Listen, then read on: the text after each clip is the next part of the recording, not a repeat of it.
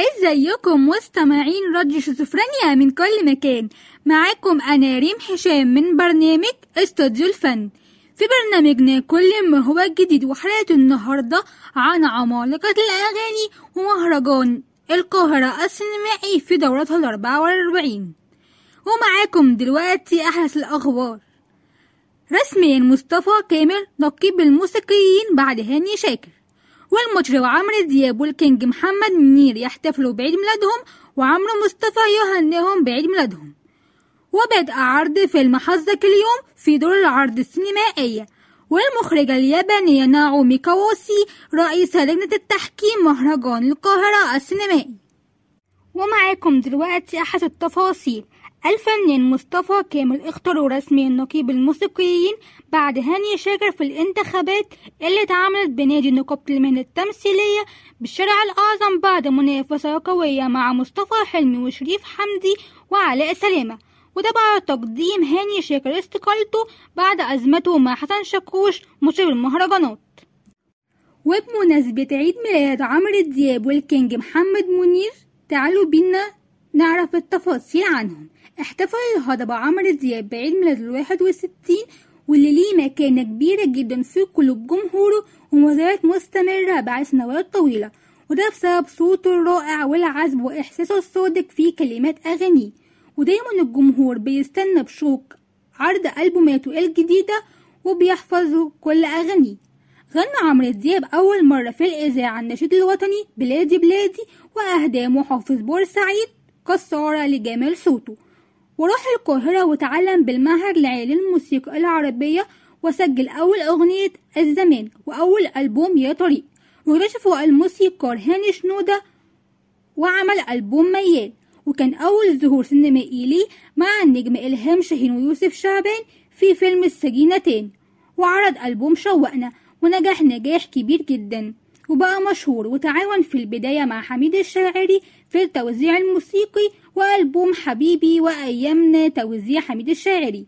وعمل فيلم آيس كريم في جليم اللي قام ببطولته مع سيمون. وفيلم العفاريت بليا واللي لقى نجاح كبير جدا في الفيلم وأغانيه وترجمت عدد كبير جدا من أغانيه لسبع لغات وأشهرهم يلوموني وهي عاملة إيه؟ وقصاد عينه والله لا يحرمني منك. ولحن عمرو لنفسه أكتر من مية أغنية منها ما تخافيش. كان طيب أصلها بتفرق. ألومك ليه؟ وعرض باريس ووزير السعادة وال look الجديد ودي أحدث أغاني. واحتفل ال king محمد منير اللي يعد علامة بارزة جدا في عالم الغناء. هو خريج كلية الفنون التطبيقية في جامعة حلوان وكانت بدايته مع المطربين. النوبيين وشعرائهم وانضم لفريق أحمد منيب والموسيقار هاني شنودة. وعرض منير ألبومات ناجحة جدا زي شبابيك وليه الدنيا. وبيقرب ومشاركته في فيلم المصير الأرض عطشانة ليوسف شاهين.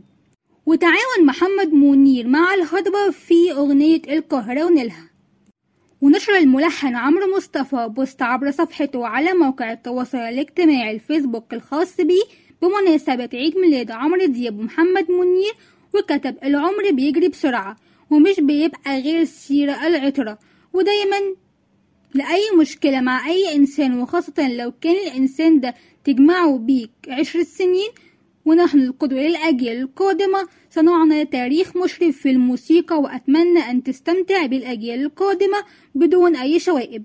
نحن ننشر السعادة. أتمنى يظل في ذهن المستمع هذا الإنتاج الموسيقي بدون ربطه بأي صراعات أو مشاكل.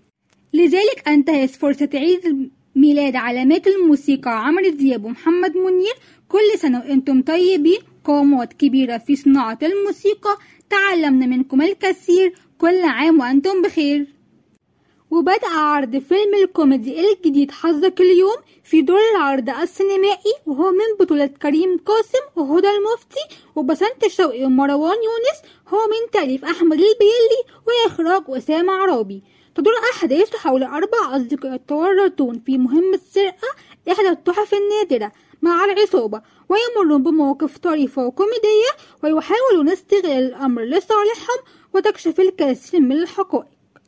وتعمل عرض خاص للفيلم وحضر العديد من النجوم جيلان عليه والأغنية الترويجية بعنوان كله بفلوسي لوسي. وشهدت الفترة اللي فاتت حملة ترويجية كبيرة تعاون مع الشركة المنتجة مع محل مثلجات وحلويات حيث تداولت مواقع التواصل الاجتماعي والإخبارية فيديوهات وأخبار حول صناديق هدايا تحتوي على حلوى وتورتة ثم توزيعها على عالم المواقع والشخصيات الشهيرة. وده يتعلق بالصندوق اسم الفيلم حظك اليوم وهاشتاج إحنا بتوع عيد ميلاد دون أي تفسير. وده اللي خلاهم يتساءلوا حول من يكون وراء الحملة الترويجية قبل أن تأتي الإجابة في الإعلان التشويقي للفيلم. إدارة لجنة مهرجان القاهرة السينمائي الدولي المخرجة اليابانية ناومي كواسي لرئاسة لجنة التحكيم المسابقة الدولية للدورة الأربعة والأربعين والمقرر انطلاقها في الفترة من 13 ل 22 نوفمبر. ورحب الفنان الكبير حسين فهمي رئيس مهرجان القاهرة السينمائي بمشاركة المخرجة في الدورة اللي جاية للمهرجان. معتبرا توليها للرئاسة هي إضافة مهمة جدا لفعاليات الدولة الأربعة والأربعين كونها تتمتع بمسيرة مهنية مميزة وتمتلك خبرات كبيرة أهلتها للحصول على جوائز رفيعة من مختلف المهرجانات الدولية. وكمان قال المخرج أمير رمسيس مدير المهرجان تأكد أن وجود قامة سينمائية بحجم نعومي كواسي كرئيسة تحكيم المسابقة الدولية هي استمرار لنجاح المهرجان في دورته اللي جاية. نعومي كواسي هي مخرجة بارزة في اليابان وكاتبة نالت شهرة واسعة عالميا بعد أن حققت العديد من النجاحات المشرفة خلال مسيرتها المهنية التي انطلقت في أواخر الثمانينات في مدينة نارا في اليابان. والتي تتخذ منها حتى اليوم مكان لتصوير أفلامها الشهيرة مسيرتها الفنية في عالم الصناعة. من خلال مجموعة أفلام تستهدف تصوير الواقع وتجاوزت فيها الصور النمطية للأعمال الوثائقية والروائية وجعلها تحظى بإشادة عالمية وجوائز في عدة من المهرجانات والمحافل الدولية. وبكده تكون انتهت حلقتنا النهاردة بتمنى تكون عجبتكم. استنوني كل يوم سبت الساعة 8 مساء على الشيزوفرينيا أشوفكم على خير. كانت معاكم أنا ريم هشام من برنامج استوديو الفن.